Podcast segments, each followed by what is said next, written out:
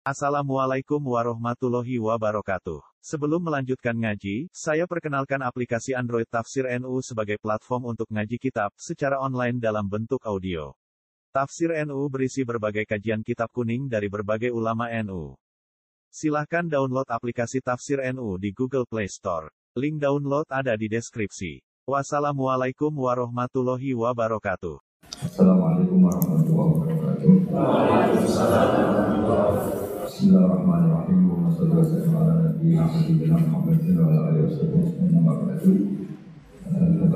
dan semua jajaran berbagai universitas Indonesia semua yang saya hormati. Saya mau mengkaji halaman 173 ya, 173. Uh, tepatnya dimulai dari 173 nanti sampai beberapa halaman ke depan. Uh, di sini di dikatakan oleh Sayyidina bin Abi Salam jadi ada cerita. Ya saya ulang lagi ya kelebihannya kitab ini adalah misalnya satu cerita yang linier tapi nanti menjadi kesimpulan hukum. Kita tahu Nabi Musa itu orang Israel yang hidup di Mesir. Mesir dulu bahasanya Al-Qibti makanya sekarang jadi Egypt jadi kalau dulu orang Arab dulu bilang apa? Al-Qibti ya apa al sehingga kalau mengistilahkan di antara istrinya Nabi namanya Maria Tiktiyah artinya berbangsa apa? Mesir. Jadi bahasa Mesir itu sebenarnya salah karena Misro itu artinya kota. Namanya itu ya Tiktiyah itu. Kalau Misro itu namanya apa? kota. Nabi Musa hidup di Mesir kemudian dianiaya oleh Fir'aun juga ini kemudian beliau mau dibunuh melarikan diri ke Madian melarikan diri kematian ini dirawat sama Nabi Suhaib. Nah, asal muala cerita beliau di kawasan Madian, saya pernah di Wadi Musa itu sekarang ikut di Jordan. Jadi Madian sekarang itu ikut mana? Jordan. Saya pernah ke sana di Wadi Musa. Nah, beliau pas di situ santai-santai terus menemukan wajah umatam minan pun orang rame-rame mengambil air terus wawa jada min dunihi ini apa? Tajudan qala ma khatbukuma terus qala ta la nasqi hatta yusdira ri'a wa abuna kabir terus ada orang apa ngambil air terus di antara mereka itu ada dua perempuan. Tidak usah diteruskan cantik apa enggak karena Nabi itu enggak boleh jelalatan tapi yang jelas cantik. Karena putrinya Nabi itu enggak boleh jelek Bukan memang gitu Allah itu punya sunnah unik. Jadi istrinya Nabi, putrinya Nabi itu nggak boleh jelek. Karena nanti jadi ma'rodan di taubah, jadi sasaran bulian. Jadi jadi mulai dulu memang aturannya gitu, nggak, nggak tahu saya bikin aturan siapa, tapi memang seperti itu. Sehingga kalau dalam tradisi kiai katanya marisi Nabi ilmunya susah, penting marisi punya istri cantik. Karena nggak ada Nabi yang istrinya jelek. Tapi kalau dosen boleh karena karena takdir. ya, karena ulama itu harus satu. Jadi pada marisi yang lain-lain itu berat ya sudah ya. Akhirnya ini cerita ya, tapi ini nyata. Akhirnya ditanya sama Nabi Musa, kenapa kamu tidak ikut berebut apa ngambil air karena air di sana susah terus saya tidak bisa kita kita ini perempuan kalau berebut pasti salah dan kita harus kerja mengambil air sendiri karena wabuna syahum kabir. Kita punya orang tua sudah sepuh sudah tua. Karena Nabi ini orang yang punya mujizat terus Nabi Musa ada batu besar gitu cara Jawa diangkat digerukak cara Jawa diangkat kuat. Kuat terus mengeluarkan air. Akhirnya ya sudah kamu ngambil air di sini kata Nabi Musa. Setelah itu beliau eh, diam di tempat itu lagi dua perempuan tadi pulang Setelah pulang bilang ke abahnya, saya tadi ketemu seorang pemuda, lah ini kali ini ada katanya, ganteng. Jadi ini agak agak karena ada nabi yang dua perempuan tadi ada nabi, jadi nyifati cowok itu. Saya tadi ketemu pemuda ganteng baik. Terus sama Nabi Su'ab, sudah kamu panggil lagi. Orang itu telah berjasa sama kamu, kamu panggil lagi, kita kasih sesuatu. Artinya terus ini dibabkan oleh Sayyidina Nabi Salam uh, adatul akhyar, tradisi orang-orang baik itu mukafaah. Memberi imbalan sama yang berbuat baik. Jadi nggak bisa kita cara Jawa modal matur itu nggak bisa. Jadi itu keliru itu, itu nggak modal. Nggak. Sehingga dibabkan faslun fi mukafaatil ihsan bi misli al afdola. Jadi bab seharusnya seseorang itu membalas satu kebaikan dengan yang setara atau syukur-syukur lebih. Singkat cerita, akhirnya putrinya Nabi Su'ab kembali lagi ke Nabi Musa. Saat itu Nabi Musa sedang bertarung dengan dirinya. Beliau berdoa gini sama Allah.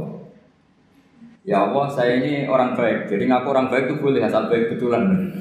saya ini orang saya ini orang baik. Tapi saya ini butuh sesuatu.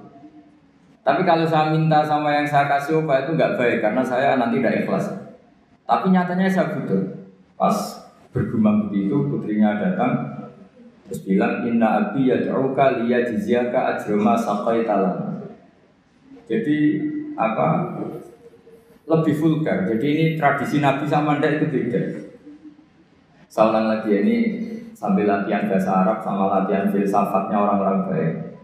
Putrinya Nabi Suhaib itu tidak Nabi, sehingga kalau ngedikan lebih kasar. Bapak saya mengundang kamu supaya memberi opah atas apa yang pernah kamu lakukan. Jadi ada kalimat ajroma italan. Pakai kata ajrum, ujrum, opah. Padahal Nabi Suhaib tidak mengajarkan seperti itu. Setelah diceritain putrinya, tolong orang itu panggil. Saya ingin mukafaan, saya ingin e, membalas, membalas jasa. Tapi oleh putrinya itu dibahasakan apa? Upah, jadi lebih kasar kan. Terus singkat cerita Nabi Musa ikut pulang karena e, dia beliau nggak tahu jalannya, beliau di belakang. Kata cerita-cerita itu entah kena entah apa yang jelas tidak pakai celana mungkin pakai pakai maxi atau pakai rok itu. Agak terbuka sedikit karena nabi itu ya nabi betul memang sudah mbak kamu jalan di belakang nanti jalannya kamu yang mandu. Kalau saya di belakang kamu nanti tahu macam-macam akhirnya nabi Musa di depan yang putrinya Nabi Syed di belakang. Terus kalau kanan kirinya dipandu ayo kiri kanan gitu soalnya gitu. Singkat cerita sampai di rumah sudah dihidangkan makanan yang lezat yang mewah. Terus kata Nabi Musa, kita ini inna ahla baitin, kita ini dari keluarga terhormat yang nggak terlintas dapat balasan atas semua kebaikan yang kita lakukan. Jadi mukadimahnya sudah sudah keren. Kita ini satu keluarga punya tradisi kalau melakukan kebaikan itu gak ingin dapat apa? Kata Nabi Soeb, kita dari satu keluarga yang kalau ada orang berbuat baik itu ramatur wontok tapi menjamu. Pokoknya adu adu tradisi, adu tradisi besar yang luhur tentu. Terus Nabi Musa dipaksa harus mau ikut apa? Makan jamuan. Yang mulai usir putrinya Nabi Su'aib tadi. Kata Nabi putrinya Nabi Su'aib muji-muji bahwa pemuda ini kawiyan amin, orang yang kuat karena bisa ngangkat batu besar, aminun terpercaya karena harusnya bisa melihat entah apa, entah tumit, entah apa. Itu sudah satu kemewahan. Kalau di Arab melihat gitu tuh kemewahan. Kalau di Indonesia kan enggak. Karena banyak pakai celana pendek. Jadi itu kalau di Arab Sampai orang Arab itu kalau melihat resepsi itu senang. Padahal orangnya cadaran itu kadang hanya melihat tumit itu sudah mewahnya bukan main. Di sini alhamdulillah tidak mewah. Karena lebih ekstrim banyak. Akhirnya disifati Amin. Terus ditanya sama bapaknya, kenapa kamu mensifati Musa itu kawi karena bisa ngangkat batu. Kenapa kamu sifati Amin? Tadi dia di belakang kita karena melihat sesuatu. Tadi tumit tadi hanya tumit. Minta kita di depan di belakang. Karena Nabi Su'ab tahu arahnya putrinya itu seneng terus masyur itu terus e, Nabi Su'ab menghentikan ini uridu an haka iftabnata ya ini ala antak jurani sama yang hijat. E, saya ingin menikahkan kamu dengan salah satu putri saya. Tapi syaratnya kamu harus mengkhidmati saya bekerja di sini minimal 8 tahun. Karena Nabi Su'ab itu pedagang, jadi kalau gratisan nggak mau. Jadi Nabi Su'aib itu ya unik. Beliau Nabi yang besar karena dagang. Makanya masyur setiap Nabi Su'aib yang diperingatkan ke kaumnya apa? Auful mikyala wal mizana wala tabkhusunna sa'asya'u. Jadi ini bagian dari ulumul Quran. Jadi Nabi itu kelihatan polanya. Kalau beliau menghentikan perdagangan berarti beliau diterbir profesinya itu dagang. Sehingga Nabi Su'aib itu setiap diceritakan Quran pasti yang diceritakan itu menghentikan beliau auful mikyala wal mizana wala tabkhusunna sa'asya'u asyar. Akhirnya Terus di situ jadi ketentuan fikih bahwa maharnya perempuan itu tidak harus berupa materi, tapi boleh profesi. Jadi Nabi Musa itu tidak punya uang karena dia posisi orang pelarian ya dari Fir'aun. Tapi dia sanggup, beliau sanggup jadi karyawannya Nabi Suhaib berapa? 8 tahun. Imbalan dapat putri. Terus kata Nabi Suhaib, fa'in asmamta asron famin ini. Tapi kalau kamu menjadikan itu 10 tahun maka ya nggak apa-apa. Ada kalimat lain, wama uri tuan asyukko alih. Tapi saya tidak ingin memperberat kamu. Jika cerita Nabi Musa akhirnya mau. Terus kemudian beliau mensempurnakan sampai menyempurnakan sampai 10 tahun. Terus oleh Nabi Suhaib itu dikasih tongkat.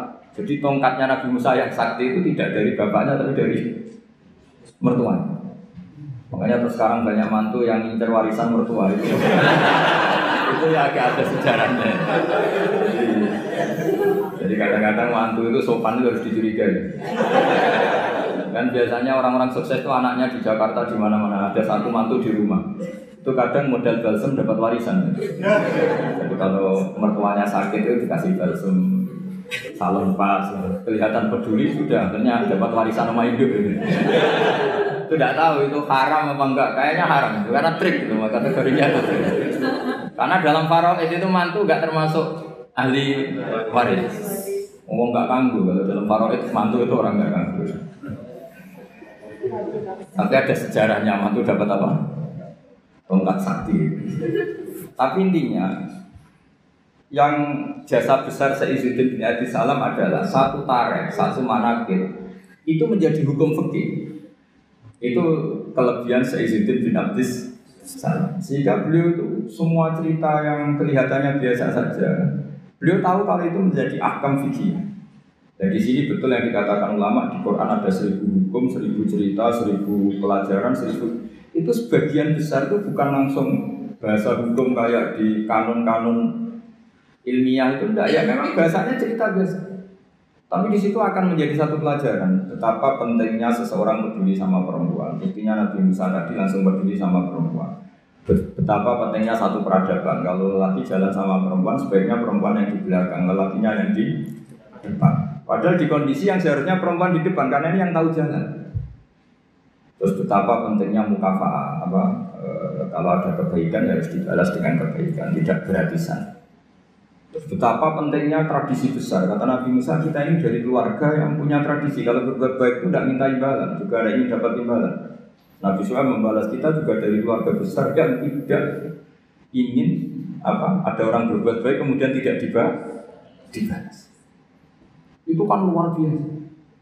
Itu kalau di tradisi saya, keluarga kiai itu memang harus seperti itu. Kalau ngajar ya ngajar. Saya itu tidak pernah kepikiran di UI, di Wongki atau di masyarakat. Ya kalau ngajar ya ngajar saja. Jika dalam tradisi ilmu tasawuf itu kalau sholat ya sholat saja. Kriminal besar kalau dalam ilmu tasawuf orang sholat ingin masuk surga itu itu kriminal besar itu kalau dalam ilmu tasawuf. Makanya masyur itu kan Nabi Isa disuruh sama Allah kamu sana ke gunung sana. Pertama ketemu masyarakat yang sholat terus ibadah terus sampai kurus semua. Ditanya kenapa kamu ibadah sampai kurus seperti ini? Karena kita ingin masuk surga. Terus kata Nabi Musa, Nabi Isa, Nabi Isa ibadah tujjar ini ibadahnya pedagang. Kalau makan sesuatu harus dapat laba. Komentari ibadah tujjar terus jalan lagi. Ketemu orang yang sama yang kurus yang ibadah terus. Ditanya kenapa kamu ibadah terus? Kita takut neraka. Kata Nabi Isa ibadatul ibadah ini ibadahnya para budak jadi melakukan pekerjaan karena ketakutan jamu majikan, jamu rektor, jamu pimpinan itu, itu, itu namanya ubah itu budak takut ditegur dosen, ditegur atasan terus kelompok ketiga itu orangnya happy Coro Jawa itu badannya klemis, klemis itu nyaman air mukanya ya nyaman, fisiknya ya nyaman, terus ibadah ya nyaman. Ditanya, kenapa kamu nyembah sama Allah? Karena rindu, karena senang. Nabi Musa, Nabi Isa ikut gabung ini. Ibadatul muhibbin, ibadahnya orang yang mencintai Karena sebetulnya Allah itu yang tersinggung. Masyur itu dalam riwayat hadis kecil Allah ngendikan gini. Ada orang soleh ibadah terus. Kenapa kamu nyembah saya? Ya karena saya ingin masuk surgamu ya Allah. Yang satu ditanya, kenapa kamu nyembah saya? Saya takut nerakamu ya Allah. Kata Allah, Laulam akhluk jannatan walana ron alam akun ahlan an uto'a itu masyur. Sama harus hafal hadis itu supaya nanti ikhlas. Ya dihafalin aja gampang hafalannya. Laulam akhluk, kan saya tidak menciptakan akhluk itu mutakalim. Jannatan saya tidak menciptakan surga walana dan tidak menciptakan neraka. Alam akun ahlan an uto'a. Apa terus aku itu pantas sembah? Gue tetap pantas Gusti. Nah itu makanya saya itu kalau ngaji di mana-mana tuh bikin analogi. Saya ini kan orang yang sering bikin analogi tentang ilmu-ilmu hakikat. Misalnya gini, sampai tak tanya, ini yang ini mik ini warnanya apa? Sampai jawab apa? Hitam kan? Minta bayaran apa enggak? Enggak kan? Satu tambah satu itu berapa? Dua. Kita biasa ikhlas mengatakan satu tambah satu dua. Tidak bilang gini, kalau dikasih satu juta tak jawab dua, kalau enggak tak jawab empat. Enggak begitu kan? Artinya kita sering ikhlas mengatakan satu ditambah satu dua. Itu ikhlas sekali. Nggak ada yang bayar ya jawab dua. Tapi kenapa saat Anda mengatakan Allah Tuhan juga itu hakikat, nunggu digajar surga. Oh, itu kan kacau sekali di dalam kita sering ikhlas mengatakan kebenaran. Misalnya satu tambah satu dua. Ini meja warnanya hitam. Ikhlas gak teman? Ikhlas. Tapi saat Anda mengatakan Allah itu Tuhan, minta surga. Ya tapi makmum kamu tidak usah ke sana nanti gak jadi dosen jadi wali nanti repot. nah ini cerita aja cerita bahwa dosen juga bisa jadi wali gitu. Tapi nanti kalau latihan ya itu tadi gak usah gaji, gak usah penghormatan, gak usah macam-macam. Bisa masalah kan? Masalah di rumah maksudnya gak masalah di kamu. Tapi itu memang latihan, ilmu itu harus dilatih. Sehingga kita ini sama Allah malu. Malunya adalah saat kita mengatakan satu tambah satu dua tidak karena upah, hanya karena ingin kita ngomong hakikat, hakikatnya memang satu tambah satu dua. Nah Allah itu hakikatnya Tuhan. Di mana-mana Tuhan itu ya layak disembah. Makanya kata Allah, andai kan saya tidak menciptakan surga atau neraka, apa lalu kamu tidak nyembah saya? Bisa saja orang ini jawab, ya enggak lah Gusti rugi ngapain kan ini kan masalah. Makanya sebetulnya Allah itu tersinggung sama orang-orang yang nyembah karena surga atau karena tapi karena Allah itu dat yang baik, meskipun tersinggung itu ya baik-baik saja. Ini bedanya Allah sama makhluk. Artinya Allah itu dat yang sangat rohman, sangat ghafur. Meskipun tersinggung itu ya nggak apa-apa, tetap tetap mengapresiasi ibadahnya orang-orang kemudian diberi pahala apa? Maka dalam cerita-cerita sufi itu masyur itu. E, suatu saat Robi Adawiyah itu bawa api bawa oncor kalau dulu itu oncor per, ngerti nggak apa obor itu. Yang satu bawa air satu gelas. Ditanya kamu mau ke mana? Mau membakar surga dan memadamkan neraka. Kenapa ya doanya Robiah yang paling masyur gitu. Ya Allah jika saya menyembah engkau karena ingin masuk surga haramkan saya selamanya tidak akan masuk. Dan jika saya menyembah engkau karena takut neraka neraka akan saya isi sendiri. Tidak usah diisi yang saya saja karena ini sudah ilah dari jatil hakikat. Kalau kita bisa mengatakan satu tambah satu dua itu ikhlas tanpa presentasi apa pun, kenapa mengatakan Allah Tuhan nunggu digaji surga? Jangan-jangan di hati kita kalau nggak ada surga kita tidak mengatakan Allah itu Tuhan. Jangan-jangan kalau kita tidak jadi dosen UI tidak peduli sama perjalanannya Islam di Indonesia. Jangan-jangan kalau saya nggak dikiaikan di UI saya tidak peduli sama perjalanan Islam di Indonesia. Itu kan lama-lama gitu. Saya senyum karena profesi saya pramugari. Di rumah kan tidak pramugari lagi, maka nggak perlu senyum. Eh, kasihan suaminya tuh. maka maka bahaya sekali kalau seperti itu. Dosen di kampus pengajar, di rumah tidak pengajar tapi penghajar. Itu nggak boleh seperti itu. Kalau dosen di kampus harus dosen di rumah. Kalau senyum di pesawat harus senyum di rumah karena senyum itu kebaikan. Kalau di pesawat baik ya di rumah baik. Ngajar itu kebaikan. Kalau di kampus baik ya di rumah. Eh, Allah itu Tuhan di mana-mana Tuhan kapan pun sebagai Tuhan. Nah, di sini ini pentingnya ilmu. Makanya di Quran ini kembali lagi ke ulumul Quran. Kalimat fattakun naro itu dengan fattakuni itu banyak fattakuni sebetulnya. Karena kalau fattakuni itu ilmu hakikat. Jadi fattaku mongko wedya sira kabeh ingsun. Kamu takutkan saya, takutlah kepada saya. Ya ulil albab. Kalau kamu punya akal. Jadi orang yang punya akal takutnya sama Allah bukan takut sama neraka. Makanya dalam cerita itu pernah Sayyidina Ali itu di satu masjid mubaleknya atau uh, penceramahnya itu cerita neraka. Serunya bukan main. Oh neraka itu gini gini gini. Memang neraka itu seru betul. Benda dimasukkan neraka itu jatuh sampai kok jahannam paling bawah itu nunggu 70 tahun. Bisa dibayangkan kalau kita masuk ke sana itu naiknya kayak apa itu susahnya. Benda yang dimasukkan ke neraka dijatuhkan itu sampai bawah itu nunggu berapa? Bisa bisa kamu bayangkan kedalamannya neraka itu menghabiskan meteran berat benda dijatuhkan ke neraka itu sampai bawah nunggu berapa? Wah, enggak apa ya? Oh, semua cerita neraka sehingga hadirin tuh nangis semua. Si Ali pas liwat terus si penceramahnya dipanggil. Kamu membuat mereka takut oleh neraka sampai seperti itu. Apa kamu bisa sukses membuat mereka takut kepada Allah sampai seperti itu? Dites, nggak bisa, Mbak. Masyur Sayyidina Ali ngendikan atak jizu wasfi makhlukin mislah. Masa ngadepin neraka saja sesusah itu. Apa pun topnya neraka itu makhluk, sesuatu yang diciptakan Allah. Harusnya kamu lebih takut sama Allah. Sehingga semenjak itu dirubah, dirubah cara cara ceramahnya dirubah. Jadi tidak karena tadi itu yang di eh, yang diikuti ulama-ulama tasawuf. Jadi ulama tasawuf itu orang yang mengembalikan pada akal waras. Ya kayak tadi, saya mengatakan nik ini hitam itu hanya karena apa? Ya memang warnanya hitam. Supaya saya jadi orang waras, kalau hitam ya tak bilangkan hitam, tak katakan hitam. Sama, Allah itu Tuhan. Kapan saja Tuhan, dia sebagai Tuhan. Andai kan tidak menciptakan surga atau neraka, dia tetap sebagai Tuhan. Jadi kesetatusan Tuhan Allah itu tidak nunggu bikin neraka atau kita ini adalah orang yang sudah peduli sama pendidikan. Untuk diangkat dosen apa enggak kita tetap ngajar di mana saja kapan. Senyum adalah kebaikan. Buat kamu sedang jadi pegawai bank maupun enggak ya tetap. Semuanya harus gitu. Peduli sama yatim piatu ya sudah satu kebaikan. Buat kita pengurus yayasan apa enggak ya tetap peduli sama yatim. Nah itu ilmu hakikat. Sesuatu itu dikembalikan pada proporsinya. Itu termasuk yang diajarkan Sayyidina tidak salam. Sehingga kita kalau maknani fatakun naro sama fatakuni watakuwa kualitasnya itu tentu tinggi fatakuwa atau fatakuni ya. Karena Allah itu zat yang harus kita sembah kita puja-puja kita takuti ya sebagai Tuhan sebagai Allah. Bukan nunggu karena Allah bikin surga atau neraka. Itu dalam ilmu tentu kita nanti ada mungkin kelasnya ada sampai seperti itu.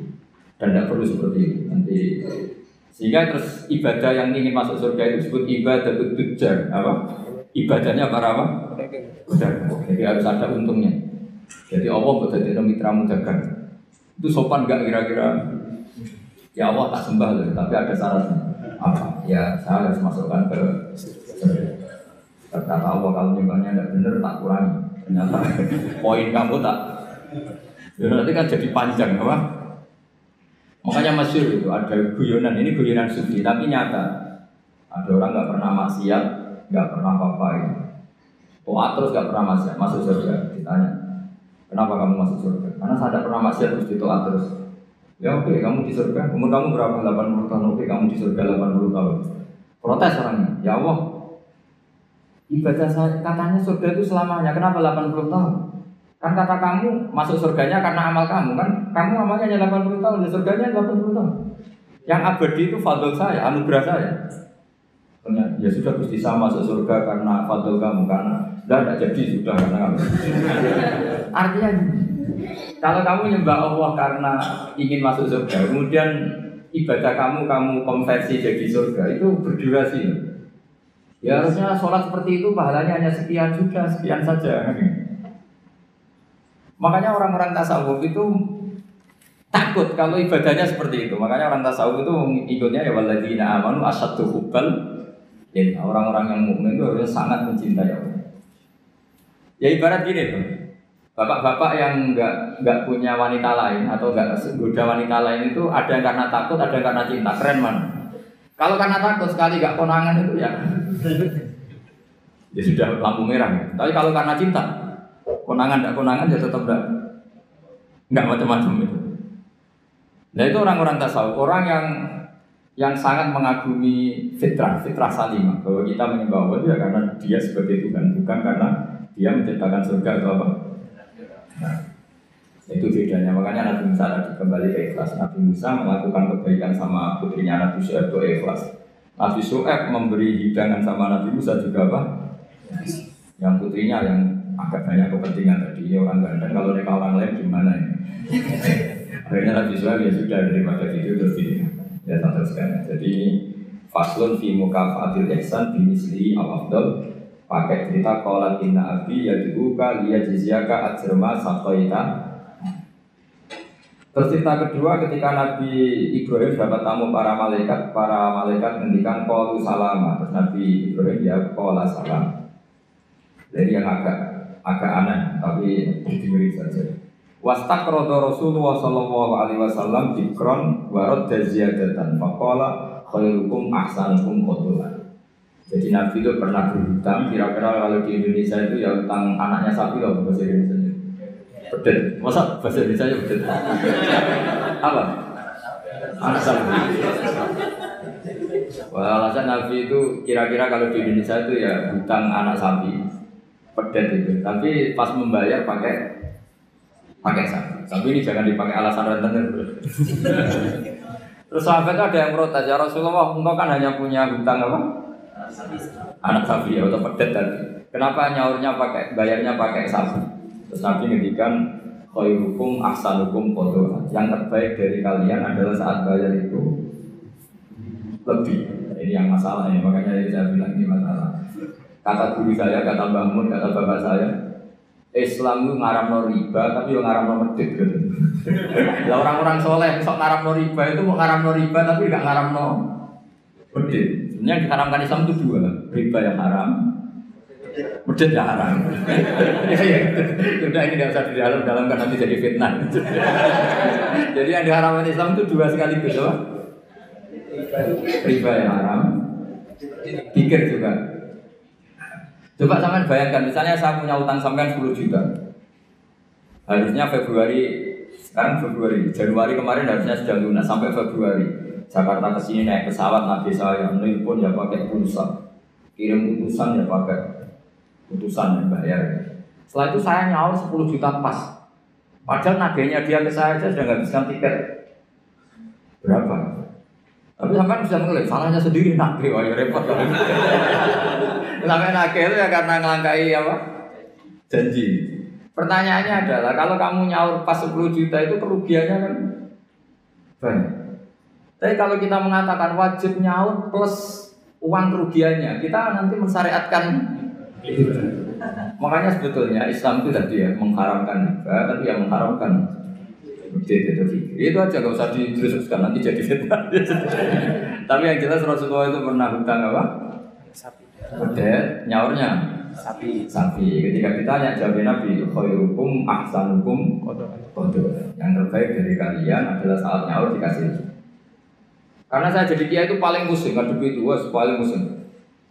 Biasanya kalau orang-orang kampung saat rukun itu kan ponakannya khitanan atau kawin nikah itu kan dibiayai paginya. Biasanya dijualkan sapi atau apa. Zaman itu tahun 70. Itu harganya sapi itu baru 3000. Setelah 2005 alhamdulillah tukaran, bentrok ya. Waktunya kan ditagih, namanya tukaran ditagih. Yang utang itu senengannya, oh pasti aku mau tolong ewu, saya kita selalu tolong ewu. Tolong ewu itu ada dapat cilok. Lah yang utangi itu ingetnya itu pas itu jual apa? Sapi. Sapi ya dibayar sapi. Dan akhirnya kita sebagai kiai kan bingung tidak ikut makan uangnya tapi harus jawab. Terus saya jawab ini, andekan saya jawab langsung putus enggak pak? Kalau langsung putus tak jawab, kalau enggak enggak mau. Kan rugi jadi kiai kan ternyata enggak final kan enggak keren. enggak Gus, kalau sekali jiran jawab kita taslim, kita menerima. Ya sudah kata saya bayarnya sapi saja. Dulu sapi, ya bayarnya sapi saja. Saya tidak mau jutaan. Tapi ternyata kamu utangi berengkel. Lalu sapinya itu andekan masih itu anak cucunya sudah Wah repot kalau gini. Jadi dia nggak mau dibayar satu sapi harus plus anak cucunya. Apalagi kalau sapinya sering selingkuh, anaknya. Tapi yang yang utang itu tidak kalah pinternya. Iku nak urip sapi mula nak mati. Wah repot ini. Makanya saya itu kadang sama orang awam tuh yang mantel karena itu ngel Coba sampean kalau kalau jadi kiai, kalau anda dalam posisi saya milih mana? Milih milih milih pakai ukuran apa? Karena kita riba ya takut, medit ya Misalnya saya bilang, ya sudah katanya sudah setuju kalau sudah saya ngomong pasti final ya udah tak suruh nyawa. Jangan pakai uang, pokoknya jangan pakai uang. Karena kalau pakai uang itu mesti setelah itu masih denger-denger. Sapi itu harganya beda-beda. Misalnya di sahur 10, apa 20 juta. Mau aku ingin tuku sapi itu selama juta, berarti kurang lima. Lalu akan ngeleng-ngeleng, sapinya zaman itu kayak apa yang sudah nunjuk di pasar, yaitu aja dibelikan. Karena kalau pakai uang pasti dan nanti yang 20 juta yang bayar dengar-dengar, oh satu kayak itu hanya 15. Nanti minta susu kan panjang. Jadi susahnya jadi kiai itu di situ. Makanya konversi utang, saya itu punya geladak, geladak itu rumah kuno. Itu dulu buyut saya bikin, itu hanya habis 700 rupiah. Sekarang geladak saya pernah orang antik itu nawar sampai 500 juta. Coba kalau itu dinilai dulu itu hanya 700 maka ada sudah ada cerita. Lalu riba itu maknanya apa? Menambahkan dari nilai intrinsik uang apa-apa debat. Sudah ini enggak ini enggak kajian debat tentang itu malah jadi fitnah.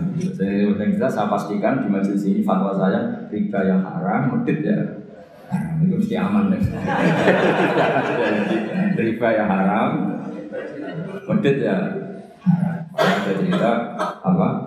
Nabi itu wastak rodo Rasulullah dikron tapi waroda ziyadatan. Ziyadah di sini itu bukan uang. Di semua riwayat apa bukannya pedet, nyaurnya itu sapi. Jadi bukan pedet plus uang atau duit itu enggak. Mohon saya teruskan. Faslun fil eksan fil gorsi.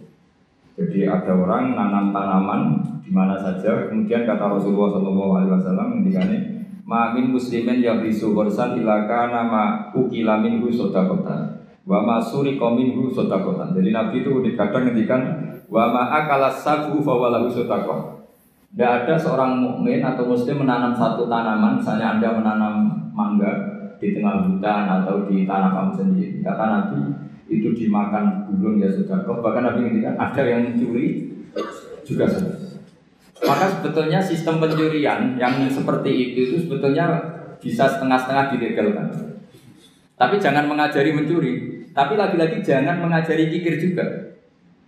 Karena sampai dikatakan mencuri itu juga karena yang punya ada eh, makanya uniknya Nabi ketika wa masuri kaumin ya sotako yang dicuri pun nanti berstatus sotako. Tapi ya jangan mobil. ya yang ringan-ringan. Itu kalau di kampung, di kampung saya, umumnya kampung lah, masih di kampung. Di kampung itu ada adat unik. Kalau ada orang punya semangka banyak, kemudian ada tukang penggembala ngambil satu. Itu kalau ditabui atau disalahkan, itu orang menyalahkan yang punya semangka. Wong kok medite ngono, ngono kok geger. Ada konsensus, ada apa? Jadi agama itu yang ngaramkan nyuri, tapi juga ngaramkan medit. Itu jadi perlu dicatat ya. Eh coba sama lihat kampung-kampung ada orang punya satu hektar atau atau satu ladang terus punya mangga buahnya. Ada yang nyuri satu digebukin. Orang nyalakan siapa? Nyalakan yang gebukin apa nyalakan yang nyuri? Nyalakan yang gebukin. Lah yang nyuri akan karwan salah, jadi gak perlu disalahin gitu. Tapi yang jelas Nabi ngintikan kalau ada orang punya tanaman kemudian dimakan hewan atau dicuri, bahasanya Nabi masih suri kok. Maka itu menjadi sodakonya dia. Nah kemudian di fikih, fikih itu ada bab yang agak sensitif. Namanya uli marido. Uli marido itu nggak pamit, tapi kira-kira yang punya pasti boleh. Itu boleh. Wah kalau enggak semua dosen, semua kiai, semua santri pernah nyuri kalau itu. Karena gini misalnya saya akrab, ya saya misalnya akrab sama seseorang, pas di kamar mandi misalnya. Terus saya pakai HP-nya karena penting tak pakai handphone. Itu nyuri apa pinjam? Enggak jawab Nyuri apa pinjam? Nyuri enggak pamit. Tapi kalau dikatakan nyuri, temen wong akrab itu kok gitu aja kok. Parah lagi kalau kamu marung, itu di fakir itu mesti nyuri semua. Coba kamu ke warung, terus ada gedang goreng di situ kamu makan. Coba itu apa? Nyuri apa enggak? Dikatakan nyuri itu di depan umum.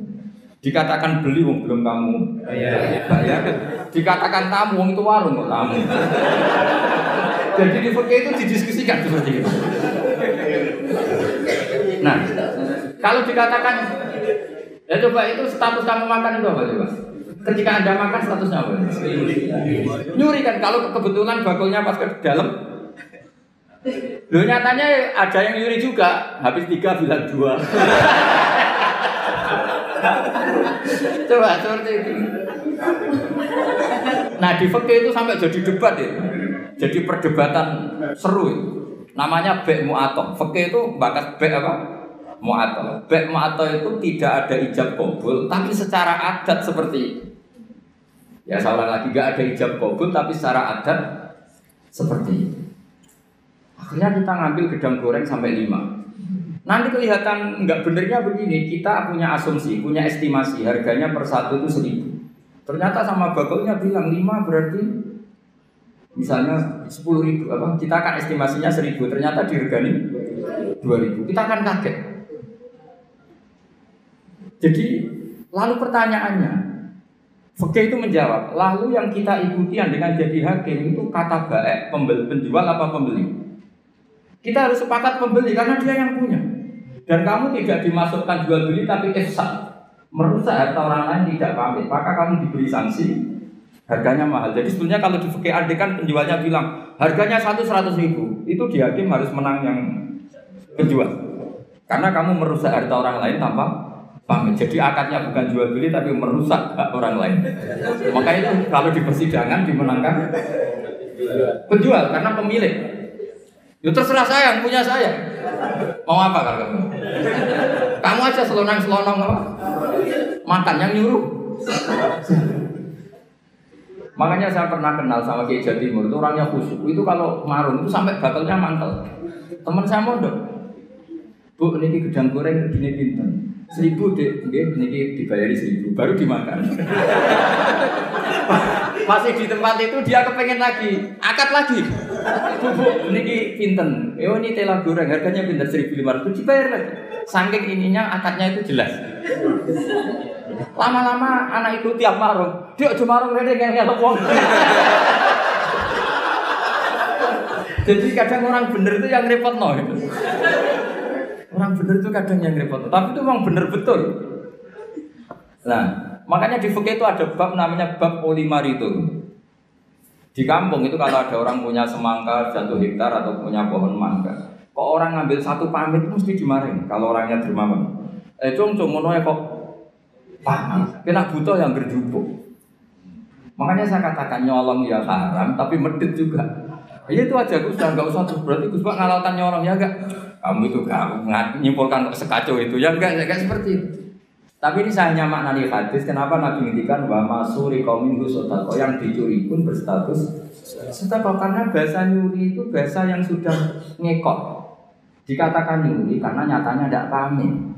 Dikatakan sotako nyatanya yang punya eh Ini kan dua bahasa paradok. Wong nyuri kok statuskan sotako. Dari definisi nyuri ya memang nyuri oh enggak pamit. Tapi dari nyatanya halal karena yang punya ridho namanya sedekah. Kamu milih mana? Bahasa nyuri apa sedekah? Ya nyurinya ya ada. Sedekahnya juga ada. Ini jelas ini hadis sahih wa ma surika minhu sedekah. Terus wama akalas sabu bahwa lalu sedekah. Misalnya yang makan itu burung atau apa ya juga jadi sedekahnya dia. Makanya di fikih bab paling sulit namanya bab mu'atok itu perdebatan Imam Syafi'i dan Abu Hanifah. Mu'ato itu adalah satu akad jual beli yang ditentukan oleh adat. Tidak ada ijab kabul. Ya itu tadi kayak orang marun tadi. Orang marun lalu makan gedang goreng itu statusnya atau naik bis. Sama kan nggak pernah kepikiran karena sama nggak pernah mengkaji fikih serius. Yang kepikiran ya kita kita ini yang mengkaji fikih coba. Saya naik bis, biasanya saya kalau dari Jogja sering bis dari Semarang sampai pandangan sampai rumah saya pandangan 4 jam dari Semarang. Jadi kalau saya ngajar di sini itu 8 jam. kalau sampai ada pintar ya kebangetan 8 jam. Coba sampai sekarang misalnya saya mau ke Jakarta, ada bis tak stop, berhenti kan, terus saya naik. Setelah 100 kilo atau 50 kilo baru ada tarikan uang, bayarnya sekian. Lalu sebelum anda bayar kita punya apa? Pinjem apa gasap? Nggak pinjem apa gasap? Dikatakan gasap kan ya, supirnya yang berhenti. Terus dikatakan pinjem, nyatanya nanti disuruh bayar. Dikatakan bayar di durasi waktu itu belum bayar. Statusnya apa?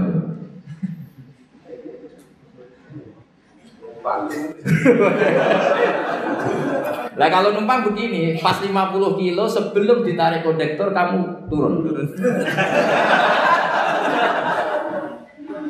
Jadi fakir itu punya sekian VR. Makanya di fakir itu mau tidak mau harus ada bab babul. Bab bagaimana transaksi sing lima itu tidak ada uh, akad yang verbal maupun eksplisit, tapi sudah diketahui kali itu pasti ridho. Ya kayak tadi, namanya bakul ada orang makan gedang goreng itu ya seneng karena dianggap aset, dianggap kepayan terus. Tapi yang makan ini masalahnya punya estimasi, yang mulai masalah kan punya estimasi. Kemudian nak sanggup pas rong gitu, ternyata di luar juga ada harganya lima ribu. Makanya kalau kita kita sebagai kiai, saya sering punya santri yang pedagang itu, mesti pesan saya, tolong tarik harga itu dikasih. Makanya kayak warung Padang, beberapa warung yang sudah gitu, pasti didian dia itu disuruh apa? Boleh apa? Tarik apa? Harga. Karena kalau akad-akatan terus kan capek nih yang bakulnya ini. Aku tuh dia dua badan bener tiga ini harganya berapa? Seribu dibayar. Itu anaknya orang sufi. Saking sufinya bapaknya itu dulu era Wesel itu gak pernah di Karena bapaknya itu orang sufi. Nanti kalau Wesel itu uangnya ketukar sama uangnya orang lain itu yang dikasihkan dari uang saya, tapi uangnya orang lain. Jadi kalau ngirim anak itu masih ada orang sufi itu. Kalau di UI kayaknya nggak pernah. Sudah modern sekali. Sampai segitu karena takut uangnya itu Le yang kamu terima itu tidak uangnya bapak, tapi uang orang lain. Coba seperti itu sah nggak Misalnya wesel online, yang dikasihkan uang kamu apa uang orang lain? Boleh tidak? itu kalau menurut teori profesional kan nggak boleh. Mau miliknya orang lain kok di yang menjadikan boleh karena apa? Ulima ridho, orang lain itu juga ridho karena tergantung. Tergantung. Kalau kamu ngajukan kredit ke bank, uang yang dikasihkan kamu itu uangnya bank itu uangnya orang uang orang banyak. Pamit gak? Wah ini bisa panjang kalau secara Makanya begini itu ada bab nanya bab ulima itu ada transaksi yang tidak eksplisit juga agak verbal, tidak ada ijab kabul, tapi ulima ridho. Kira-kira orangnya itu jika di kampung-kampung menurut saya adat itu bijak sekali. Kalau ada orang penggembalaan, tapi kalau dosen ya jangan, kalau kiai ya jangan. Itu kalau ngelak ya hampir ngambil degan milik orang yang banyak. Jangan yang orangnya miskin punya pohon hanya satu, yang kira-kira punya banyak diambil. Itu kalau yang punya dipamitin. Pak, tadi saya ngambil degan jenengan itu mesti marah. Ngono kok pamit ya, cok Karena dianggap satu sepele yang harus diridokan. Akhirnya gara-gara pernah satu itu gak perlu pamit, yang lainnya ikut ikutan. lah yang mulai banyak itu yang loh entah kayak gitu. Jadi kalau satu dua kan dimaklumi. Makanya kalau di dunia kiai ini kisah nyata ya. Ini bukan anekdot kisahnya. Ada kiai sufi. Kebetulan ini saya kenal orang ini karena masih keluarga. Orangnya sufi sekali. Itu punya pondok. Pondoknya itu model pondok yang berkah. Yang nyantri orang-orang Madura. Itu kalau ayamnya kiainya makan, itu kalau santri makan kan di Nampanan. Itu Pak Rektor tahu karena pernah mondok. Di Nampanan Pak Rektor. Pak Rektor itu temennya itu murid saya. Ngajinya di. Itu dulu pakai nampan. Itu ayamnya datang Pak Rektor itu nggak berani busa karena ayamnya kiai. Padahal sudah dinampan tinggal makan. Ya semuanya nunggu. Wah, Ayamnya dapet, habisin aja. Kiainya tahu karena kiainya orang sufi terus bikin gini. Ya wes dong, nah ayam saya makan makanan kamu halal. Uh seneng. Terus digasang sama santri-santri. Jadi kalau jam makan disengajakan gitu biar ayamnya pada datang terus ditutup disembelih. Maka kebaikan itu kadang punya efek keburukan tadi. Satu orang dikasih ridho, ya sudah dong degan satu nggak apa-apa, semuanya ikut. Karena ngasih tahu ternyata Pak Kaji itu nggak apa-apa, kalau mau ngambil aja. Singkat cerita suatu saat yang makan itu bukan ayam tapi kambing. Akhirnya pikirannya santri tadi itu masuk ilmu yang definisi yang pertama, berarti halal juga. Disembelih, kambing bukan ayam lagi ini sudah kambing. Nah setelah kambingnya hilang Pak Yai tadi mau ngaji gini, beliau datang ke majelis tapi tidak ngomong sama sekali. Kelihatan emosi, menahan emosi. Santri diem semua, takut semua. Terus ada santri cerdas, ini sudah di majelis kok tidak ngajar, nggak ngomong, nggak marah tapi mau diem ngumpet emosi wal kalimin al itu kira-kira yang di belakang tahu ini pasti urusan kamu Yai, jangan marah karena kambing ya. Kiainya ya cerdas langsung bilang, yo, yo kegedean aja. Maksudnya itu. Jadi yang belakang itu langsung bilang, Yai katanya yang makan makanannya santri itu halal. Nah kambing Pak Kiai makan makanan santri maka halal. Yo nak pedes kegedean aja. kalau kalau kambing itu ya kebesaran itu maksudnya. Nah cerita di kampung juga seperti itu. Ketika satu degan itu dimaklumi, orang itu kadang ngambil sepuluh dijual. oh, itu kebanyakan ya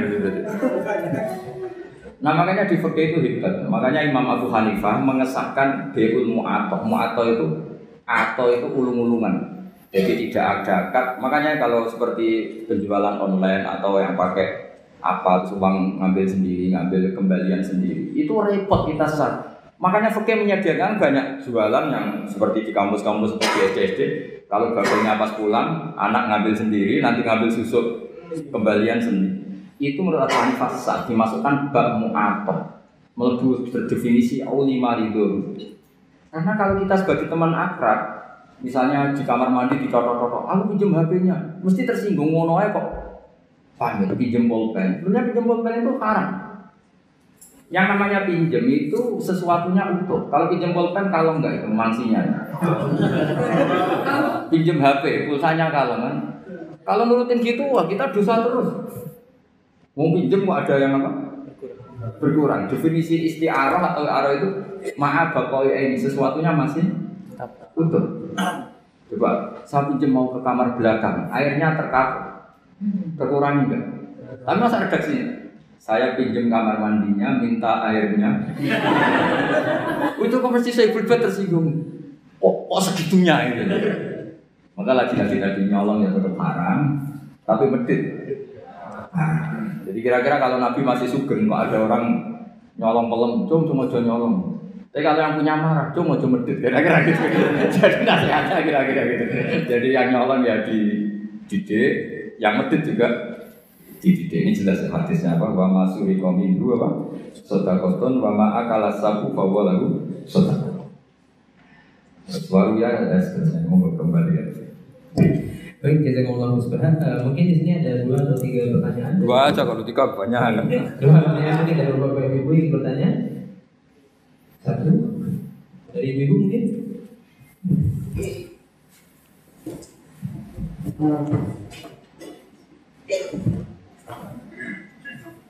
Assalamualaikum warahmatullahi wabarakatuh. Assalamualaikum. Terima kasih banyak. Uh, menarik tadi yang saya bilang bisa uh, teringat ini uh, terkait dengan pamrih itu sebenarnya boleh atau tidak.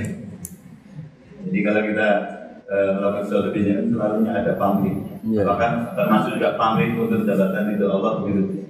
Bila tadi yang disampaikan Ustaz. Oh iya. Terima kasih. Assalamualaikum warahmatullahi wabarakatuh. Langsung aja, langsung dua aja. Yang kedua. Yang kedua ada. Ya, kalau satu bagus. Ada Gus. Oh iya.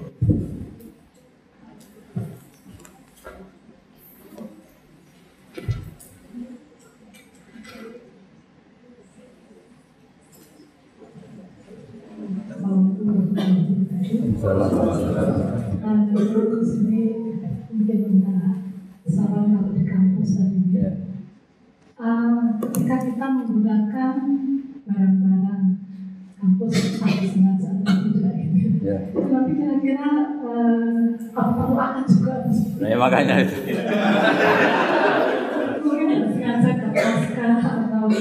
Ternyata terusik juga.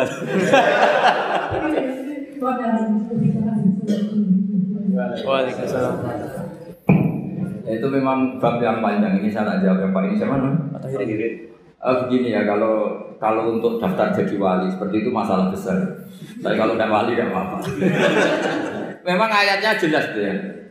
Banyak yang hafal mungkin ya. Ya yuhal mudathir apa kum fa'anzir wa rabbaka fakabir wa thiyabaka fatahir wa rujza farjil. Terus ditutup wala tamnun tas itu semua ahli tafsir kalau maknanya gini. Wala tamnun lan ojo ngekei sira Muhammad. Kamu jangan pernah memberi orang lain tas taksiru hale arep arep metu luweh akeh sira dari kata-kata kafir berhubung kena sin ditolak terus astaghfiru minta ampun. Berarti astaksiru minta lebih banyak. jadi kamu jangan pernah memberi orang lain dengan harapan dapat lebih itu semua ulama berdebat. Ada mengatakan itu khusus nabi dan para wali. Itu enggak enggak etis. Kalau seorang nabi seorang wali ngasih orang kok enggak bebas tapi kalau orang kebanyakan Ya kalau ada acara resepsi kan buuh, kalau nanti punya acara gak dibui kan ya.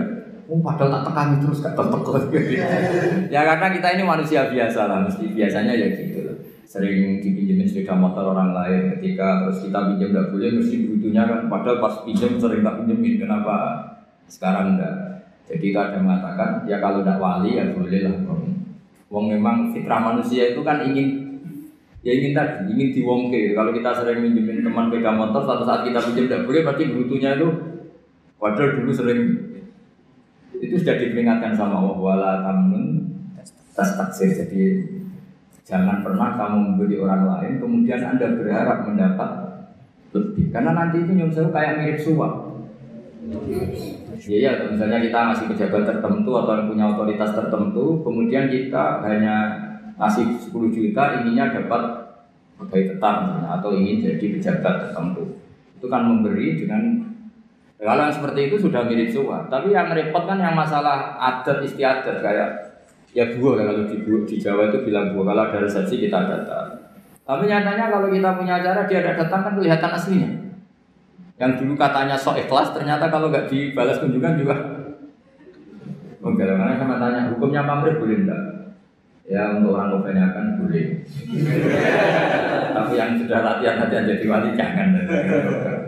Nah pertanyaan ibu tadi begini. Itu itu banyak yang tersinggung, tapi ini hukum ya dia sudah biasa aja, biasa. Itu pengurus masjid di daerah saya itu sering sering curhat sama saya. Masjid sekarang kan bagus-bagus, termasuk Thailandnya kan bagus. Itu banyak orang kampung yang Thailandnya di rumah itu jelek atau memang itu ke masjid benda ini missing jadi kebeletnya di rumah lari ke masjid karena masjidnya menyediakan yang parah lagi kalau tidur sekarang di masjid. Ini yang cerita takmir. Ya, takmirnya kan sebagian santri saya cerita itu masjid di daerah-daerah Pantura. Dulu kalau tidur habis duhur itu di rumah. Setelah masjid itu ada AC-nya terus ada kipas angin lalu lucunya kalau mau pertemuan sama mitra bisnisnya atau keluarga kok ketemu di masjid nyalain AC diskusi panjang lebar. Karena di rumah sum sumpah. Selain sumpah nggak ada AC-nya ini kalau ada istri marah kan parah lagi. Panas dua-duanya suasana. Sehingga sekarang jadi ada istiadat santri sama santri kalau ingin ketemu pebisnis sama pebisnis kalau ingin ketemu juga di masjid. Nggak takut istri diskusi enak ada AC-nya kalau butuh kamar mandi ya itu hukumnya gimana? Kampus juga gitu. Ini tambah ingin menyinggung. Sampai misalnya seorang dosen kalau ketemu teman tuh seneng di kantor daripada di kos-kosan di kos-kosan nggak keren apalagi pas nunggak takut ibu kos padahal di kampus oh nanti ketemu di kantor padahal nanti setelah di kantor nih saya difasilitasi ada ten mungkin dari pihak kampus karena tamunya pegawai Pertanyaannya, apa itu masuk anggaran yang disahkan UI? Jadi kalau nurutin itu itu panjang, itu bisa panjang dan lebar. Makanya itu pernah terjadi, tapi ini tentu nggak boleh ditiru karena wali. Kalau nggak wali sudah kayak umumnya orang saja. itu Abdul bin Umar itu pernah malam-malam tuh ke pendopo kira-kira gitu ya. Dulu nggak ada pendopo tapi mirip-mirip. Nyalain lampu, padahal dia mau sholat mau ibadah. Kamu dari mana? Dari pendopo. Ini lampu tadi siapa? Saya. Untuk apa? Untuk sholat gini. Jangan. Kalau sholat dulu. Kenapa? Itu pendopo milik rakyat. Jadi boleh nyala kalau ada acara dengan rakyat. Kalau kamu itu urusan pribadi meskipun sholat. Sampai segitunya namanya Umar negur putranya Abdul. Karena dia ikut abahnya di satu negara dapat hadiah. Istrinya juga dapat hadiah. Sampai pulang dilututi siapa Umar. Ayo kembalikan ke Baitul Mal, ke kas negara. Kalau saya dikasih pribadi. Kalau kamu udah anaknya saya sebagai presiden dikasih enggak? Enggak ya sudah itu milik negara. Itu sudah sebelum ada Pak Jokowi punya adat kembalikan ke KPK itu dulu. Kalau dapat apa? Hadiah. Itu dulu pertama itu melakukan itu umat. Jadi wahyu ya berat. Makanya terus ada etika bersama, misalnya mobil kampus ya kalau dipakai acara keluarga yang mencolok jangan. Nanti kalau deket-deket misalnya rektor atau dekan diundang keluarganya 7 kilo, masa pakai mobil kampus gak boleh. Tapi kalau sampai Rio ya keterlaluan keluarga kan. Ya pokoknya tanya Nurani lah, kira-kira itu menurut adat dimaafkan apa? Saya misalnya dapat mobil inventaris kalau dipakai 7 kilo, 10 kilo acara keluarga yang nggak ada hubungannya dengan UI, orang tuh gampang maklumi. Tapi kalau ke Riau, terus pakai SPJ UI kan ya keterlaluan gitu. Jadi itu makanya Sayyidina Umar ketika ditanya, kamu ngelola harta negara, kemudian Anda menggaji diri kamu sendiri ukurannya apa?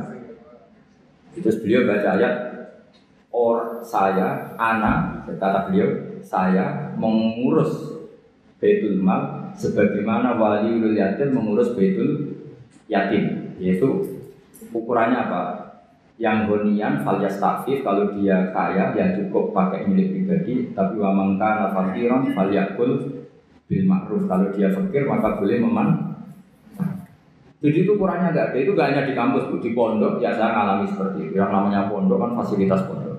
Ada mobil infant. Tentu yang sering pakai itu ya keluarga kiai apa keponakannya apa iparnya tapi kiai-kiai yang sufi termasuk bapak saya itu nggak mau betul. Saya itu mulai latihan kiai itu sudah punya mobil karena ya takut pakai mobil pondok. Karena itu yang yang latihan kiai-kiai yang papan atas itu yang sufinya papan atas itu bangun itu tiap akhir tahun itu bayar listrik. Kata beliau, anak-anakku yang ngambil listrik pondok ya bayar. Padahal pikirannya santri itu kan dipakai anaknya, gurunya itu seneng tapi ya bayar. Bapak saya bayar sampai saya sampai sekarang ya bayar. Sama pondok saya sendiri. Karena pasti anak saya pernah pakai listrik pondok, pakai fasilitas. Jadi orang karena takut tadi, ya itu tadi. Coba misalnya dengan, makanya kalau saya ditanya gitu paling susah ya di masjid tadi. Kita melarang itu tidak mungkin, masa orang senang masjid gak boleh. Kadang jadi kata cerita teman saya itu, kadang melayu ke sekolah karena harus kesusunan Thailand. Tak tanya, kenapa ada di rumah saja? Thailandnya jelek. Jadi masjid-masjid kampung sekarang itu kalau orang rumpi lebih betah.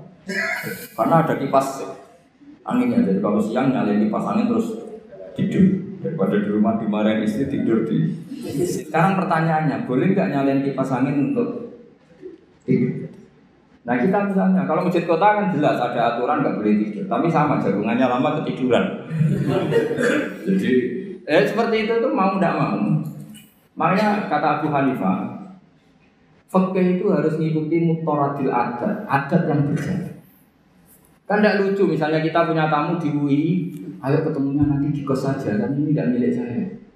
Orang itu tidak akan mengatakan itu sufi atau waroi, tapi muta'amid, orang yang mempersulit bu, macam segitu. Terus nanti misalnya saya punya tamu lima di Wipres karena saya ngaturnya di Wipres, tamu lima terus tehnya tak gaji uang saya itu kan yang menyinggung orang banyak.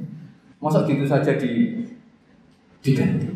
Jadi itu masalah-masalah yang ya tadi masa satu degan saja kok nyuri. Tapi ketika dihalalkan nanti terus menerus. Ya makanya itu oleh Abu Hanifah dibahkan di alam raya ini ada yang namanya mu'atok. Mu'atok itu tahu-tahu ada perilaku sosial yang secara konsensus itu orang mudah hidup disebut ulima Coba saya misalnya punya kursi di depan, banyak kan di jalan-jalan raya ada kursi di depan. Kamu nyetop bis duduk di situ. Terus kamu saking sufinya notok-notok yang punya rumah, tok tok tok tok. Ada orangnya baru di kamar mandi, baru tidur, bangun-bangun, wonten apa? Nyuwun sewu pamit bodi derek. Lenggah. Kira-kira orangnya mantel apa enggak? Karena ngel-ngel loh gitu, karena mendingan langsung duduk. Lah nanti mulai masalah gini, jebule duduknya transaksi narkoba, nah, itu masalah. Tapi kalau sekedar duduk untuk nyetop bis atau nunggu teman, makanya Bu Hanifah ngendikan ukurannya itu adat. Makanya di fikih ada sebut al adat muhakama. Adat itu juga bagian dari referensi hukum. Ya disebut apa al adat. Ya Bu ya, jadi ukurannya nurani sama adat. Jadi kalau tamu satu dua ya pakai teh kampus. Tapi kalau tamunya satu bus ya jangan. satu bus itu yang pegawai OB-nya juga nggak orang itu kan mesti. Ya saya kira demikian. Assalamualaikum warahmatullahi wabarakatuh.